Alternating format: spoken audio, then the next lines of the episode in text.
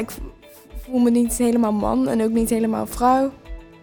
Als het dan toch iets is, is het iets vloeibaars daartussenin of daarbuiten. Wat dan ook. In ieder geval niet binair man of vrouw.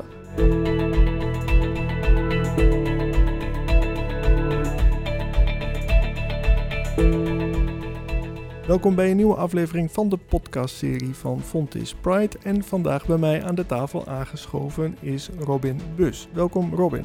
Dankjewel. Leuk dat ik er mag zijn.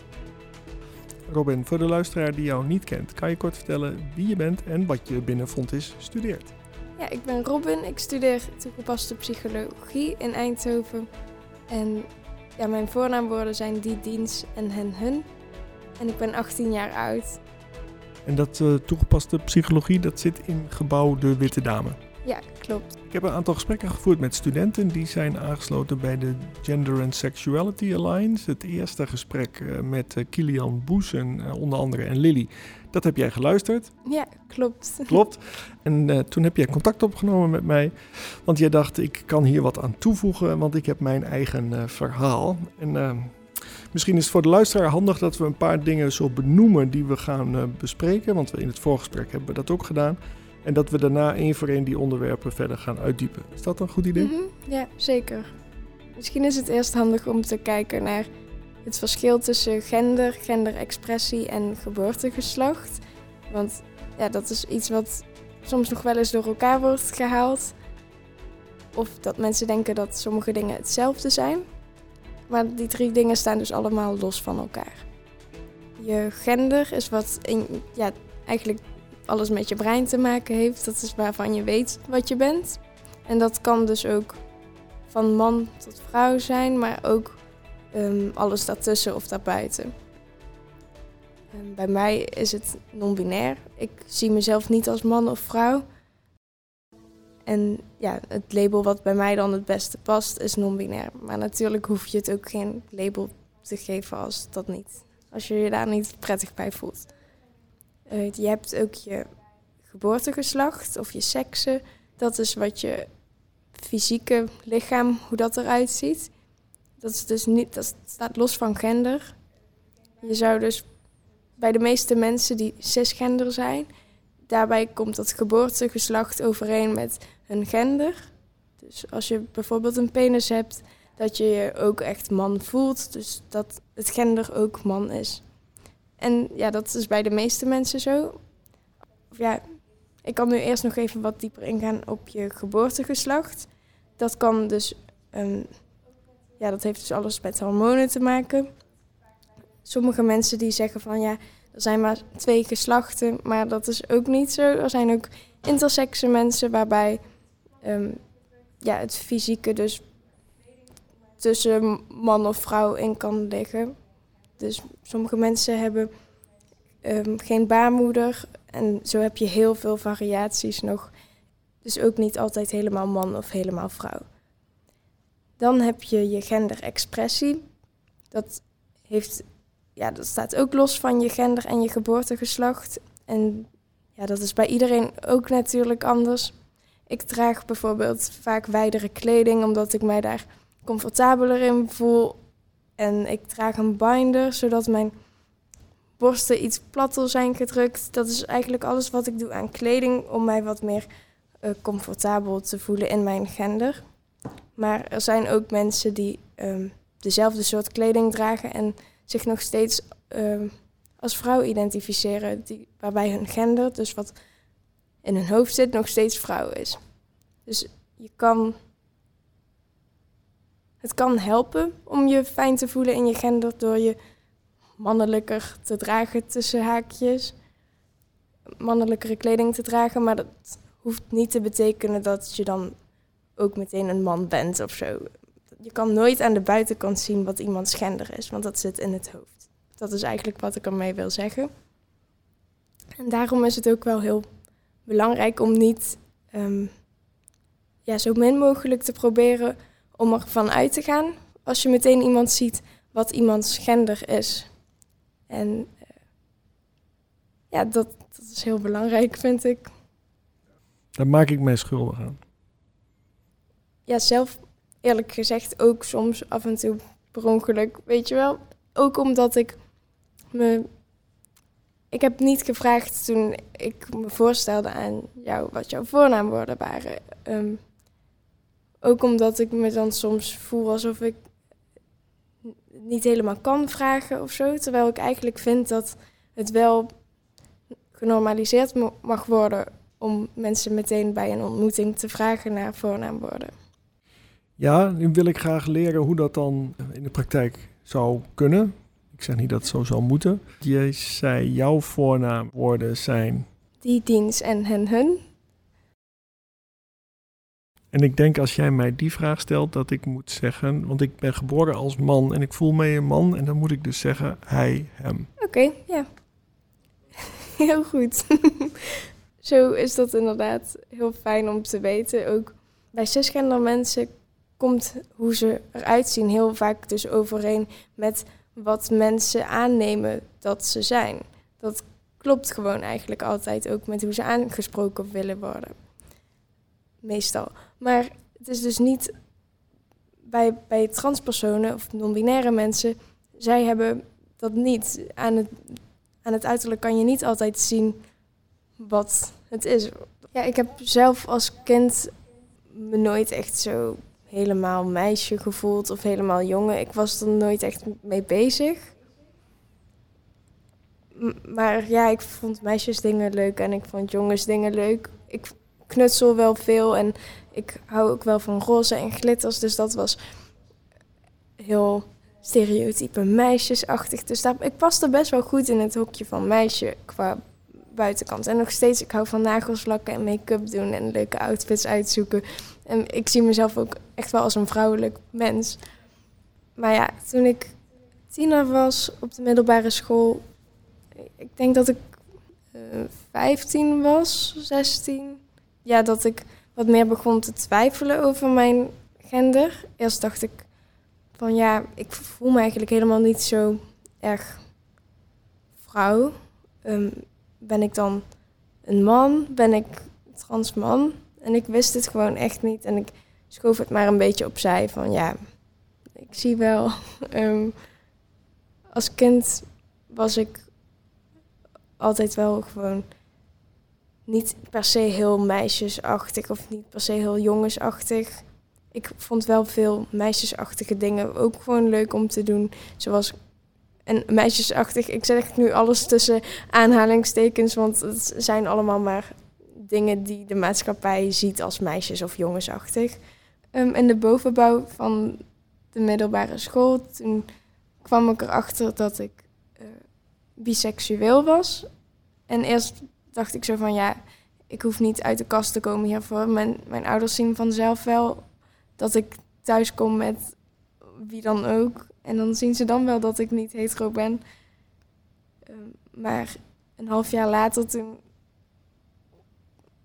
kwam ik er dus achter dat ik non-binair was. Doordat ik een video zag waarin iemand sprak daarover, over non-binair zijn. En ik was wel al langer na aan het denken over dat ik misschien trans man ben. Dat speelde wel al langer, maar ik dacht van ja, dat is het ook niet helemaal. Maar toen ik dus die video zag over non-binair zijn, toen was ik zo van wow, het klikte gewoon. Het was gewoon van ah kijk, dit is het. Het woord waar ik eigenlijk mijn hele leven gewoon, het woord wat ik niet had voor hoe ik mij voelde. Want ja, ik voel me niet helemaal man en ook niet helemaal vrouw. Als het dan toch iets is, is het iets vloeibaars daartussenin of daarbuiten. Wat dan ook. In ieder geval niet binair, man of vrouw. Bij mij ging het dus. Ja, was dat het? En ik voelde me heel opgelucht dat ik wist dat wat het was. Dat ik niet gek was. Dat, ik, dat er een woord voor was, dat het bestaat vond het ook belangrijk dat mijn omgeving wist hoe ik mezelf zie en wie ik ben. Dus het is best wel persoonlijk iets wat ik ook gewoon met ze wilde delen.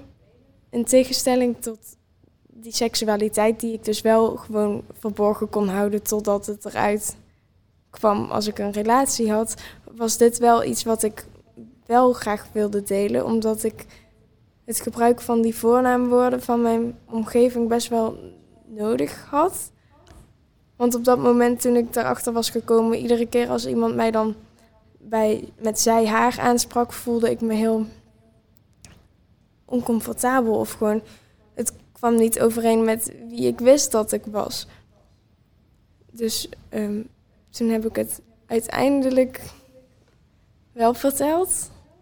Ja, de details hoef ik niet allemaal te delen met hoe iedereen erop reageerde en zo. Maar nu um, zijn mijn ouders en mijn gezin en mijn vrienden zijn allemaal heel erg supportive en zo, wat heel fijn is. Um, ja, mijn ouders hebben wel even tijd nodig gehad, wat ook wel begrijpelijk is. Ja, natuurlijk.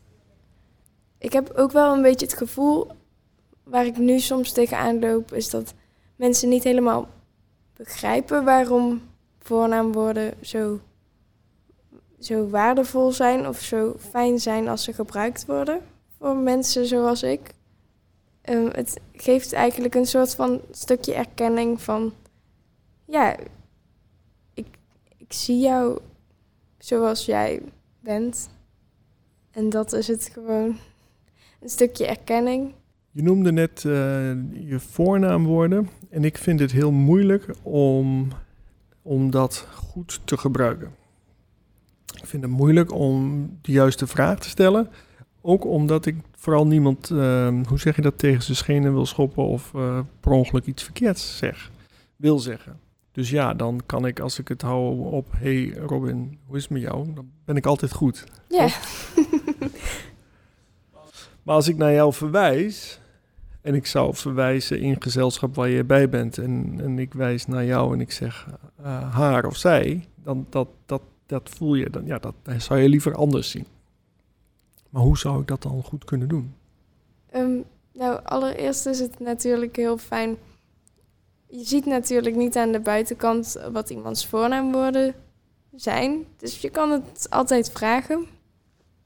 Um, als je bijvoorbeeld in een nieuwe groep bent, in, in een nieuwe klas, je hebt een nieuwe klas voor je, of je, ja, dat je dan als docent bijvoorbeeld vraagt van, um, mijn voornaamwoorden zijn hij, hem. Is er iemand anders die hun voornaamwoorden wil delen met mij?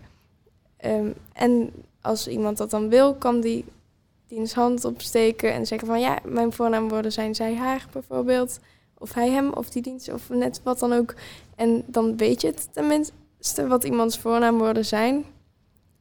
Um, je nodigt ook iemand uit. Dus als je, je forceert dan ook niemand om het te delen. Want er zijn ook heel veel mensen die, die hun voornaamwoorden gewoon niet willen delen. Dat kan. Um, ja, dus dan heb je dat. Al, als stap 1, dan weet je iemands voornaamwoorden.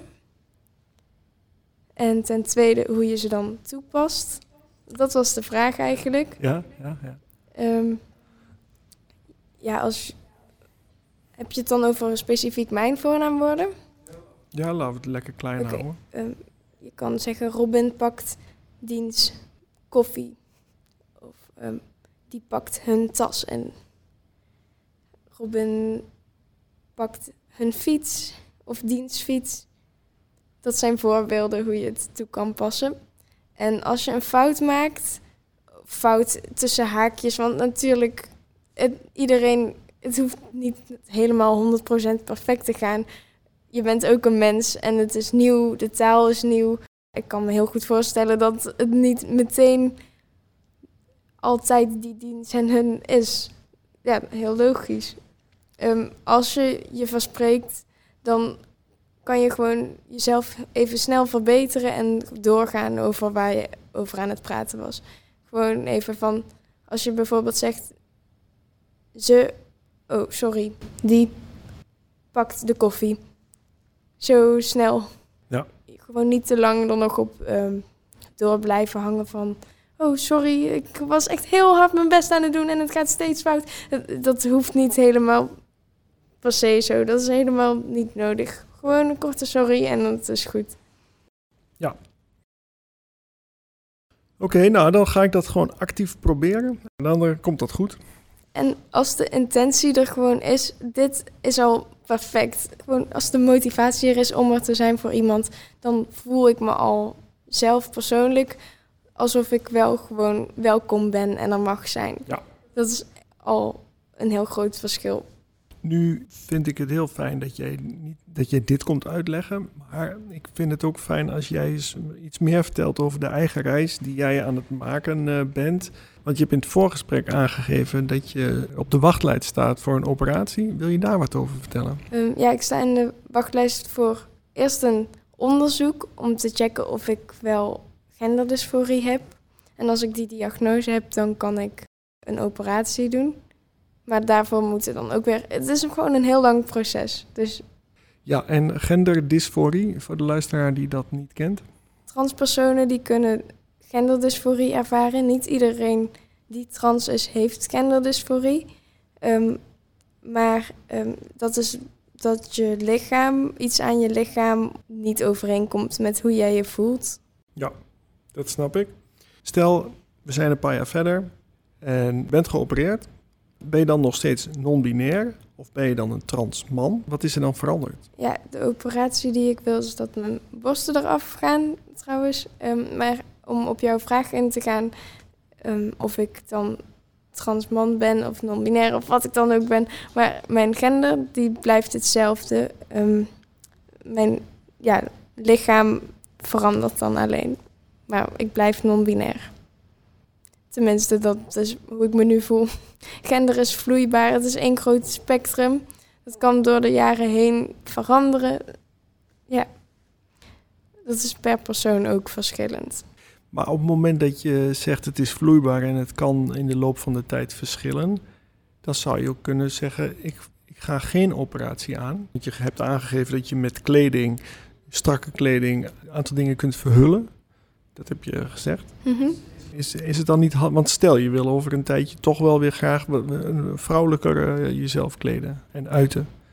Als je niet geopereerd bent, kan dat misschien makkelijker. Ja, klopt. Ik heb gewoon zoiets van. Dit gevoel heb ik eigenlijk mijn hele leven al gehad. Tot nu. Dus met de kennis die ik heb van mezelf uit het verleden tot nu, ehm, denk ik dat het best wel voor mij stabiel is. En dat, ja, dat het gewoon beter bij me past als ze weg zijn. Ja, En ik probeer er ook eigenlijk, nooit aan te denken dat ik ze weg wil. En, maar op zo'n moment, nu ik het er weer over heb, begin ik gewoon alweer bijna emotioneel te worden. Dat ik denk van, oh shit, snap ik. ze zitten daar. ja, Heb jij contact met mensen die die operatie al hebben eh, laten uitvoeren? Ja. ja, ik ken wel mensen. Eén iemand die dat heeft. En hoe, eh, hoe is die, die reis van diegene, hoe, hoe is dat gegaan? Ja, nu is hij helemaal hersteld. En is er heel blij mee. Ja, Ja, top. En ehm, eh, voor degene die jouw verhaal nu zo hoort en daar vragen over heeft of eens graag met jou daarover wil sparren, sta je daar open voor? Ja, natuurlijk. Ik vind dat je altijd vragen mag stellen aan mij. Zo, zolang de vraag echt vanuit een nieuwsgierigheid komt. Een oprechte nieuwsgierigheid kan je mij gewoon echt alles vragen. En voel ik me niet snel beledigd. Dus eh, graag, stel vragen. Mijn Instagram is Robin Fiets. Dus eh, als je me daar een berichtje op wil sturen, als je vragen hebt, doe, doe maar. ik mag altijd. Robin Fiets op Instagram. Yes. En waarom fiets? Omdat mijn achternaam Bus is. Oké, ah, dat had ik natuurlijk ook zelf kunnen bedenken. Sorry. Het is een hele, hele slechte droge humor. Nou ja, dit vergeet niemand meer. Dat is mooi. Is er nog iets wat ik niet heb gevraagd wat jij graag zou willen toevoegen? ja, gewoon het benadrukken van... Stel je bent een docent of je hebt iemand in de klas als ehm, medestudent... die andere voornaamwoorden gebruikt of je, je, je snapt niet goed wat er...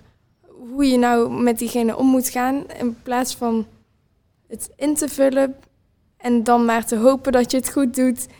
of je snapt er niks van. Je kan er gewoon altijd oprecht vragen aan stellen aan diegene. Tenminste, aan mij kan het. Ik weet niet, het is natuurlijk ook per persoon verschillend. Maar de meeste mensen die ik ken, die staan er echt helemaal voor open als mensen vragen hebben. Ehm, ja, want dat laat zien dat je geïnteresseerd bent en dat je die persoon wil helpen. En dan zie je het ook niet snel als iets wat fout is of zo. Natuurlijk, als je gewoon wil leren, ben niet bang om fouten te maken. Iedereen maakt fouten en ik ben al lang blij dat je je best doet. Ja. Om open ruimte voor mij te creëren. Ja. Een van de afsluitende vragen die ik altijd stel is: ehm, is er nog een podcastserie waar jij graag naar luistert over dit onderwerp? De Genderquibus podcast van Nanoa is heel leuk. Heb jij recent een boek gelezen uh, wat jij kan aanraden? Mandy Woelkens en Torn de Vries hebben samen een boek geschreven, Vak Gender.